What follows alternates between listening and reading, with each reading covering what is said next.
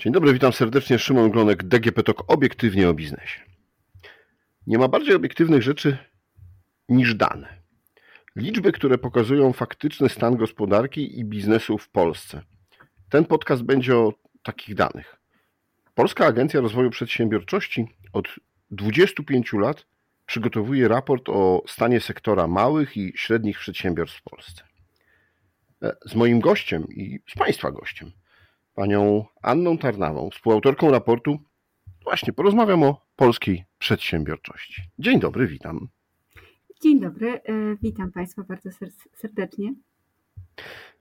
Pani Anno, czy można powiedzieć, że polski biznes i polska gospodarka e, małymi i średnimi przedsiębiorstwami stoją? Jak najbardziej można to powiedzieć o, naszej, e, o naszych przedsiębiorstwach i, i o naszej gospodarce.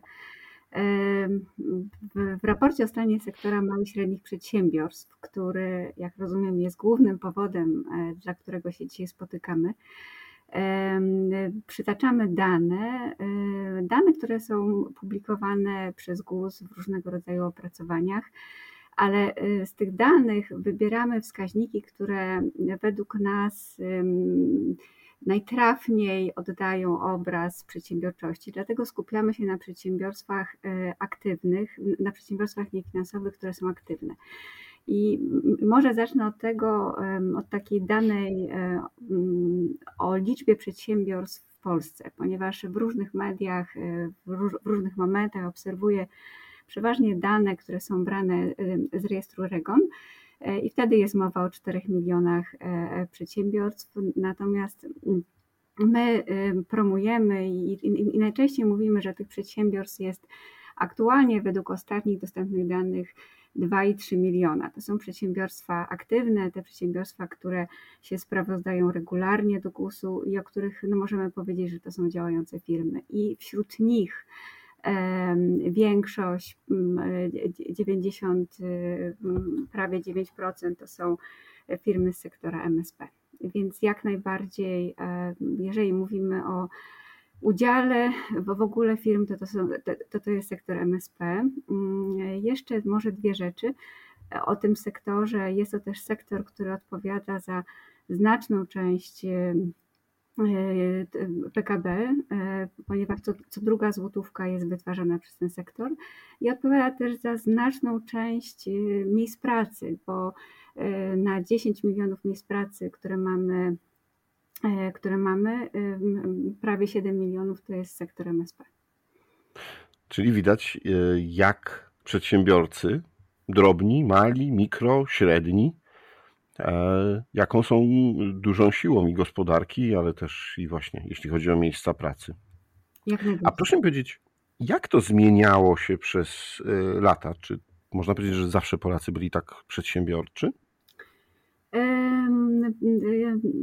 Cóż, to jest, to jest trudne pytanie. Na pewno bardzo długiego okresu przedsiębiorczości, jak nasi słuchacze i my też wiemy, ten okres nie jest bardzo długi. My śledzimy ten rozwój przedsiębiorczości e, w naszym raporcie od 25 e, lat. Natomiast e, w ostatnim, najnowszym raporcie te takie dane w ciągach, którym można się przyjrzeć, to są dane od, w zależności od dostępu od 2008-2009 roku. I można powiedzieć, że mm, tak mocno uogólniając, można powiedzieć, że tak, jest w nas cały czas coś, co było określone duchem przedsiębiorczości, taką inicjatywą do no, samoorganizowania się i, do, i taka chęć pracy na swoim na pewno w Polakach jest. E, bo tak naprawdę przez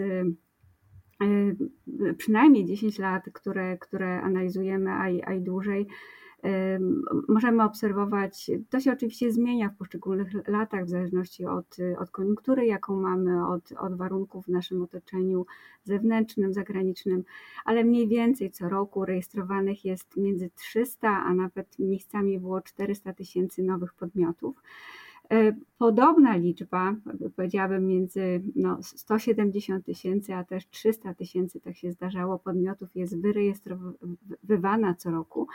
Natomiast, natomiast ten taki e, dynamika, jeżeli chodzi o nasz rynek i o, i o powstawanie nowych, nowych firm, na pewno jest. Z innego badania, które, które też prowadzimy w Polskiej Agencji Rozwoju Przedsiębiorczości już ponad 10 lat. To jest badanie międzynarodowe w ramach projektu GEM, Global Entrepreneurship Monitor. Tam z kolei badamy osoby dorosłe i, i, badamy intencje do zakładania firm, a także taką aktywność polegającą na organizowaniu własnej działalności gospodarczej, jeszcze nie rejestrowaniu, ale już podejmowaniu pierwszych działań. Niestety okres pandemii pokazuje nam, że te udziały tego typu osób w polskim społeczeństwie maleją. Ale może to być efekt e, po prostu, no powiedziałabym, racjonalności czy jakiegoś rozsądku, który mm, nakazuje w czasach tak niespokojnych, jakimi e, no, był okres pandemii, jeszcze wciąż jest. W tej chwili mamy nową sytuację, trudną, związaną z sytuacją za naszą wschodnią granicą, e, że ta praca najemna staje się dużo bardziej wartościowa, powiedziałabym, bo jest bezpieczniejsza. Tak? I, to, I to takie skierowanie e, Polaków ku e, pracy najemnej w ostatnich latach, przynajmniej w tym projekcie, my dostrzegamy. Jak to się przełoży na rejestrację nowych podmiotów, to jeszcze zobaczymy, bo dane, które mamy na razie dostępne, jeżeli chodzi o mikroprzedsiębiorstwa, o, o te zarejestrowane firmy to są dane za 2020 rok, więc y, nie mamy jeszcze informacji o 2021 roku, a na pewno o 2022. No, te lata covidowe były rzeczywiście trudne e, dla wszystkich. No, a przedsiębiorcy musieli myśleć chyba podwójnie o ryzyku. Natomiast ja bym chciał jeszcze tylko zauważyć, że w tym raporcie wyczytałem bardzo ciekawą rzecz, E, że Polska jest piątym krajem nawet w Unii Europejskiej, jeśli chodzi o e, liczbę przedsiębiorstw. Wyprzedzają nas takie kraje jak Włochy, Francja, Hiszpania i Niemcy. Kraje dużo większe pod względem liczby ludności. Tak, e, tak, i to, i to jest racja. Mamy taki wskaźnik i na przestrzeni lat właśnie zajmujemy takie chlubne piąte albo czasem szóste miejsce. Troszeczkę się to zmienia, kiedy, kiedy przeliczymy tą liczbę firm przez właśnie liczbę ludności. Tutaj odrobinę spadamy kilka, kilka miejsc w tym, w tym rankingu. E, ja w tej chwili nie pamiętam, ale jest to oczywiście do sprawdzenia taka informacja, także e, osoby zainteresowane też zapraszam do kontaktu z nami. E, niewątpliwie można powiedzieć, że w Polakach e, no, od, od tego momentu, kiedy mamy wolny rynek, wolną gospodarkę, te postawy przedsiębiorcze jak najbardziej są obecne. Powiedziałabym też, że to, co właśnie w tym innym badaniu, o którym już wspomniałam, obserwujemy, to, że na przestrzeni lat znacząco poprawił się wizerunek przedsiębiorcy. To znaczy, polskie społeczeństwo naprawdę dość przychylnie myśli o przedsiębiorczości jako o raz jakby możliwości wyboru kariery zawodowej i po prostu realizowania się zawodowego, jak i też skłonne jest y, w jakiś sposób wyróżniać czy obdarzać szacunkiem, można to różnie ujmować, osoby, które założyły działalność i którym się udało. I my y, dostrzegamy w tym wielki potencjał, y, taki wspierający dla osób, które myślą o własnej działalności gospodarczej, bo przy takim pozytywnym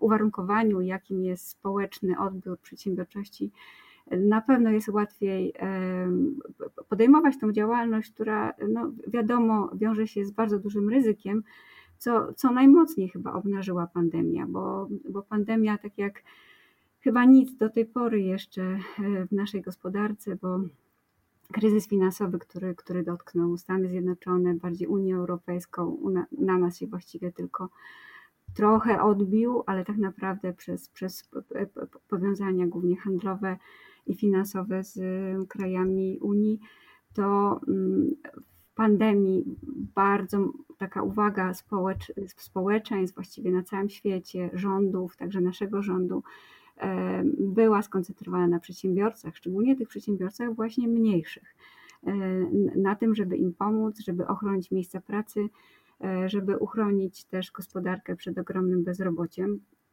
E, co się e, udało. Oczywiście mamy inne skutki teraz, ale nie o tym dzisiaj mowa. No tak. Powiedziała Pani właśnie, jaki jest wpływ sektora małych i średnich przedsiębiorstw na PKB. Co druga złotówka to jest generowana przez właśnie ten sektor.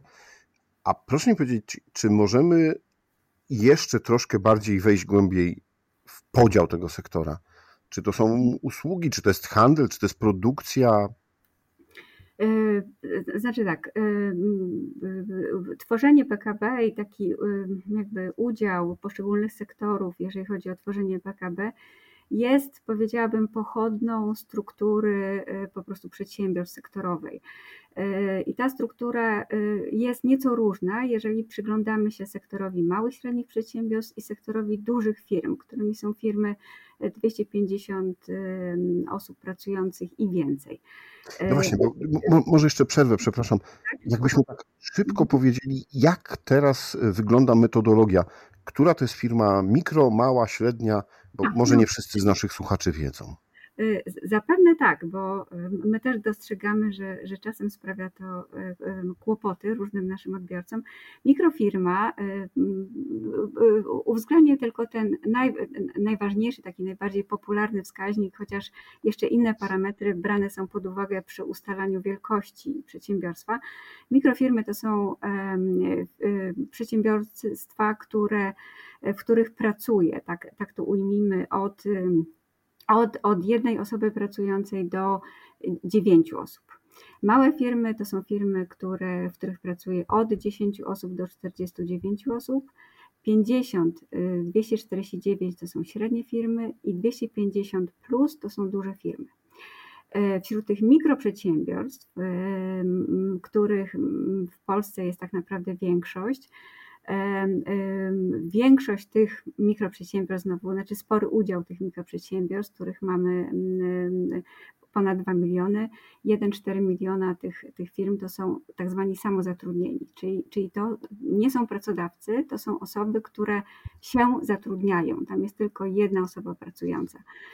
I to jest też, y, powiedziałabym, taka dość istotna cecha naszego, naszej przedsiębiorczości. Y, oczywiście te osoby samozatrudnione, jak się można domyślać, to, to są przede wszystkim wolne zawody, osoby, które są często free, freelancerami, ale to są też osoby, które pracują w takich sektorach jak, jak, na, przykład, jak na przykład budownictwo e, i, i nie zatrudniają osób. Tak? E, tak, e, tylko zatrudniają, znaczy zatrudniają, pracują jakby sami dla siebie. To jest istotne i, i wrócę do tego wątku, o którym mówiłam. Otóż zarówno mikroprzedsiębiorstwa, jak i w ogóle sektor MSP E, to są przede wszystkim firmy, które pracują w usługach i pracują w handlu i naprawie pojazdów. I, i naprawie pojazdów. Natomiast mniej z nich pracuje w budownictwie na przykład i w przemyśle. Z kolei duże przedsiębiorstwa, gro tych przedsiębiorstw to jest przede wszystkim przemysł, a następnie handel i usługi i budownictwo. Także i, jeżeli chodzi o tworzenie y, PKB, to także ze strony, tutaj widzimy, jeżeli chodzi o MSP, największy wkład tych przedsiębiorstw usługowych, a jeżeli chodzi o duże przedsiębiorstwa, to przemysłu. Mhm. A jak wygląda mm, sytuacja, jeśli chodzi o stabilność, płynność finansową, e, no bo tak jak powiedzieliśmy, ten czas pandemii no był różny. Mhm. Przedsiębiorcy ostrożnie bardzo podchodzili do niego i też w różnych ankietach zaznaczali, że rzeczywiście no, trzeba uważać. E, tak. Jak dzisiaj wyglądają po tych latach pandemii, ale też po, po wcześniejszych latach, które były całkiem dobrym prosperity, finanse w naszych przedsiębiorstwach? E, tak jak już zaznaczałam, nie mamy danych na temat sytuacji finansowej mikroprzedsiębiorstw teraz, tak? Nie mamy takich danych. Ostatnie dane, jakie mamy, to są za 2020 e, rok, jeżeli chodzi o mikroprzedsiębiorstwa, więc możemy mówić naprawdę o takim czasie pierwszego roku pandemii. I ja tylko dwa słowa powiem, bo, bo tego się można spodziewać. Tak? W tym okresie 2020 roku jeżeli myślimy o przedsiębiorstwach i myślimy w tym o mikroprzedsiębiorstwach, bo my e, tak właśnie myślimy w naszym raporcie, dlatego te dane mogą się wydawać miejscami dość dawne, ale to tylko dlatego, że e, chcemy uwzględniać tą grupę mikroprzedsiębiorstw. W tym okresie sektor MSP szczególnie odczuł spadki, y, zarówno jeżeli chodzi o przychody, y, o, o jakby dynamikę wartości produkcji, y, którą, którą jakby tworzy, a także wzrost kosztów. On nie był znaczący, ale, ale był i to były trudne lata. Jeżeli chodzi o całe nakłady, na przykład na inwestycje przedsiębiorstw, to 2020 rok to jest tąpnięcie w stosunku do 2019 roku.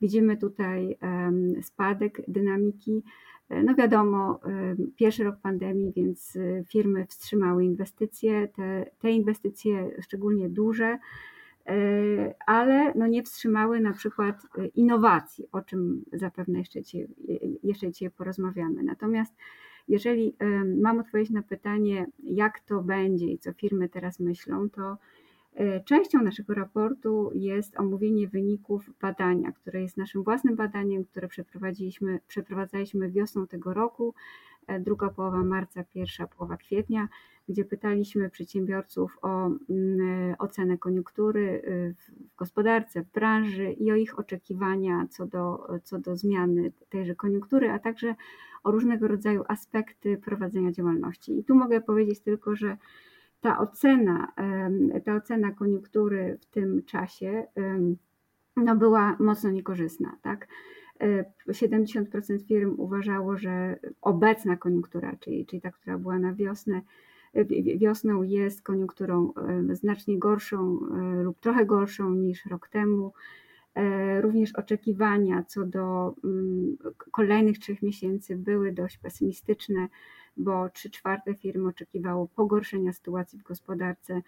E, nieco lepiej e, wyglądały te oczekiwania, jeżeli chodzi o branżę, e, ale wciąż one były dość pesymistyczne i dużo bardziej pesymistyczne niż to obserwowaliśmy na przykład rok temu, czyli w 2021 roku. Na to wpływ, bo to też zostało zbadane dość zaawansowanym modelem modelem, więc szacowaliśmy, czy wpływ na to ma sytuacja związana z pandemią, czy wpływ na to ma już sytuacja związana z wojną na Ukrainie. No i jak się okazało, to ten drugi czynnik e, przede wszystkim zaważył.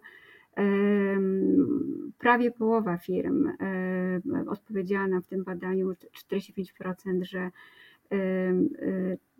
ta sytuacja, która się dzieje za naszą wschodnią granicą, sankcje, które są nakładane na Rosję, E, już migracja, która miała miejsce w tym czasie w Polsce, e, ale też taka niepewność co do jutra, tak? Nie wiadomo było, znaczy już wtedy było wiadomo, że ta wojna krótko nie potrwa, a jednocześnie e, jeszcze nie wiadomo było, jakie będą jej długotrwałe efekty, ale prawie połowa firm już wtedy nam deklarowała, że ten wpływ tego, co się dzieje na ich działalność jest, jest negatywny. E, więc te oczekiwania były no takie, mm, powiedziałabym, e, dość pesymistyczne. E, nawet ostatnie badanie koniunktury, które, mm, które też wskaźniki koniunktury gusowe, które były opublikowane w tym tygodniu, też pokazują spadek nastrojów. I generalnie myślę, że przed no nami wszystkimi, ale też przed przedsiębiorcami mamy czas trudniejszy, jeżeli chodzi o, o funkcjonowanie E, czas, czas dostosowań, e, czas nowych wyzwań. Niemniej e, wiemy z, z, obserwowania zmian, jakie zachodzą w gospodarce polskiej, ale nie tylko polskiej, że no, po, po każdym spowolnieniu, które było, przychodził okres odbicia i okres lepszej koniunktury. Na co oczywiście wiadomo, wszyscy, wszyscy liczymy, że to się ziści. No tak, przedsiębiorcy muszą się przygotować do tego, że jedyną pewną w ich życiu jest zmiana, a od trzech lat można powiedzieć, że ta zmiana musi być y, coraz y, szybsza. Trzeba się do niej przygotować coraz szybciej, bo może nastąpić niespodziewanie.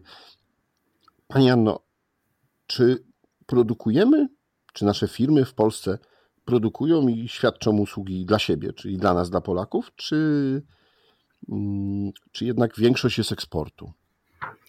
Yy Tak, to jest dość złożone pytanie, na które jest złożona odpowiedź, bo z jednej strony trzeba koniecznie podkreślić, jeżeli chodzi o stopień umiędzynarodowienia polskiej gospodarki, taki odniesienie na przykład eksportu czy importu do naszego PKB, to na przestrzeni ostatnich 10, nawet 11 lat no widzimy wzrosty. Ta tendencja jest pozytywna, coraz częściej y, przedsiębiorcy polscy jednak zaspokajają potrzeby nie tylko konsumentów w kraju, ale też, y, ale też zagranicznych. E, natomiast jeżeli e, przyglądamy się e, temu, ilu mamy eksporterów i ilu mamy importerów, to tutaj no, te dane nie są zbyt, zbyt optymistyczne, bo importerów mamy więcej i to więcej oznacza, że wśród że importerów wyrobów mamy 8%, czyli niecałe 190 tysięcy firm, a usług niecałe 1,5% przedsiębiorstw, czyli 31 tysięcy.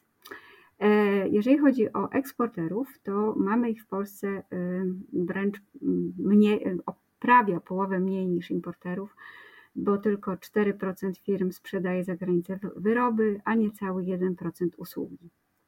I to się przekłada w sumie na, e, gdyby tak sumować te, te dwie grupy, chociaż e, no często ta sama firma może sprzedawać i wyroby, i usługi, to mamy około 120 tysięcy przedsiębiorstw.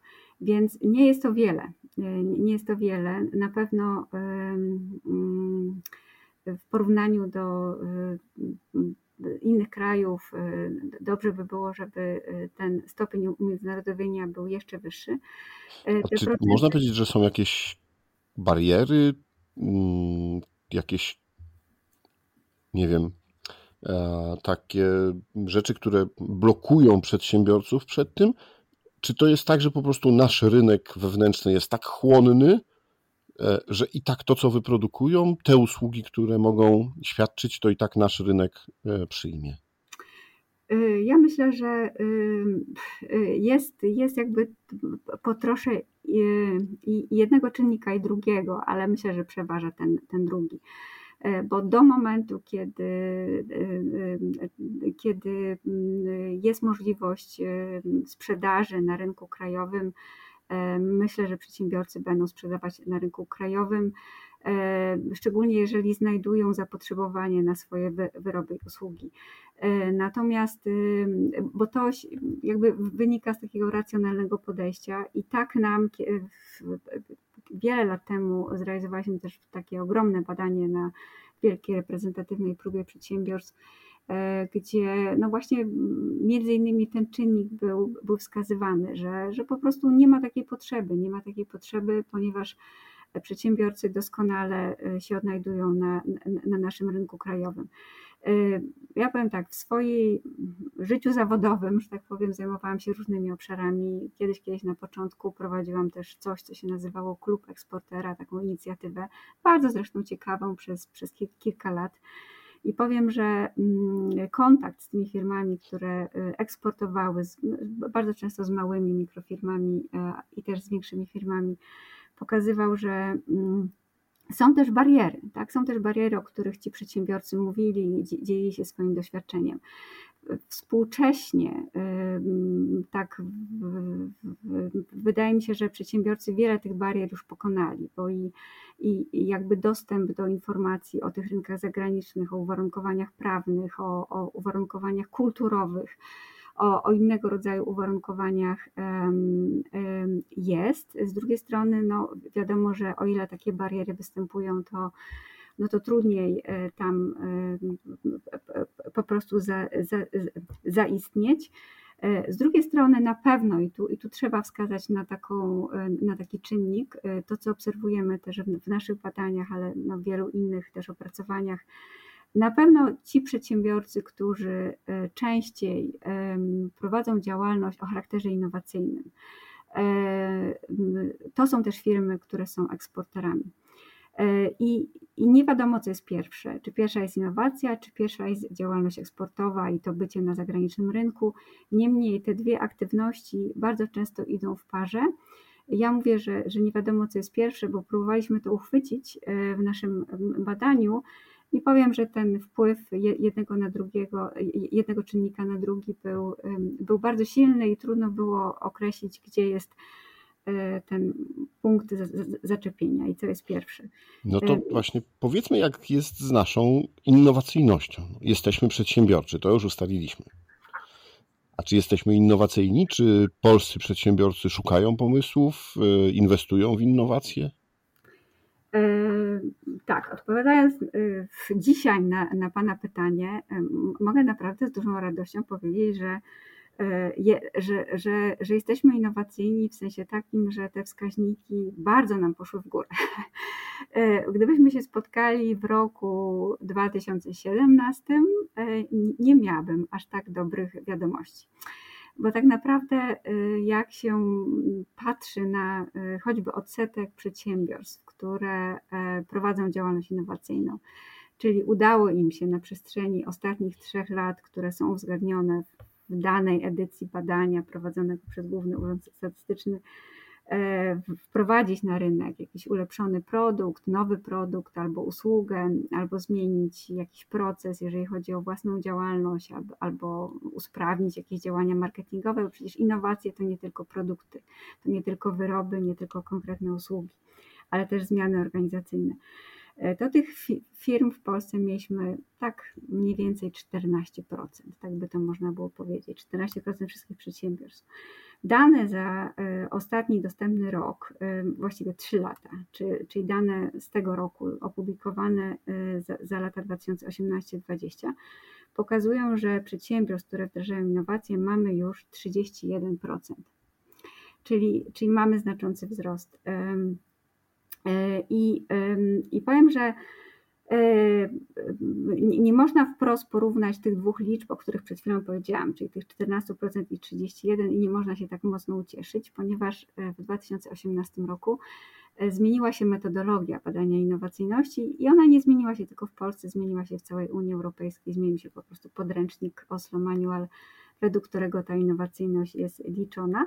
Niemniej nawet jak przyglądamy się, co się wydarzyło od od tego pierwszego badania, które było po 2018 roku opublikowane, to widzimy wzrosty e, tej innowacyjności, jeżeli chodzi o odsetek przedsiębiorstw. Natomiast szczególnie mocny wzrost widoczny jest za ten okres, e, który uwzględnia 2020 rok. E, I, I szczególnie widać, że wzrosła, wzrósł, wzrósł odsetek przedsiębiorstw, które wdrażają które działają w sektorze usługowym. E, I bardzo mocny wzrost też widać we wszystkich procesach prowadzonych przez firmy. Tak? Ten, ten wzrost udziału firm, które coś zmieniły w tych procesach, jest dwukrotny albo i więcej niż, niż, niż dwukrotny.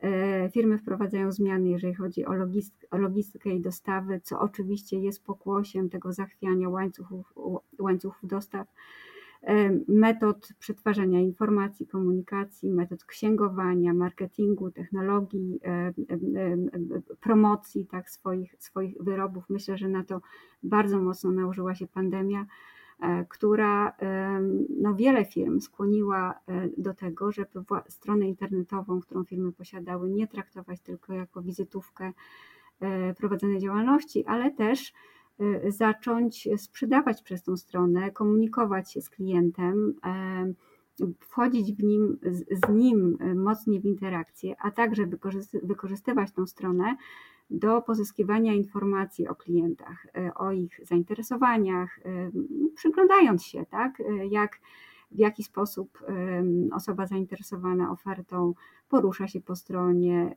e, na jakich produktach się zatrzymuje, co ogląda, ile czasu spędza. To, to są wszystko bardzo cenne informacje dla prowadzenia działalności e, i widzimy, i widzimy naprawdę w, tym, w, tym, w tych ostatnich wynikach badań, które są dostępne, wzrost aktywności przedsiębiorstw Mamy też wzrost nakładów, jeżeli chodzi o, o przedsiębiorstwa działające w, w, w usługach właśnie. I, I, zdradzę tylko, chociaż to, to nie jest przedmiotem naszego badania, że aktualnie mm, kończymy jeszcze jedno nasze badanie, bo mamy tych badań wiele w różnych obszarach.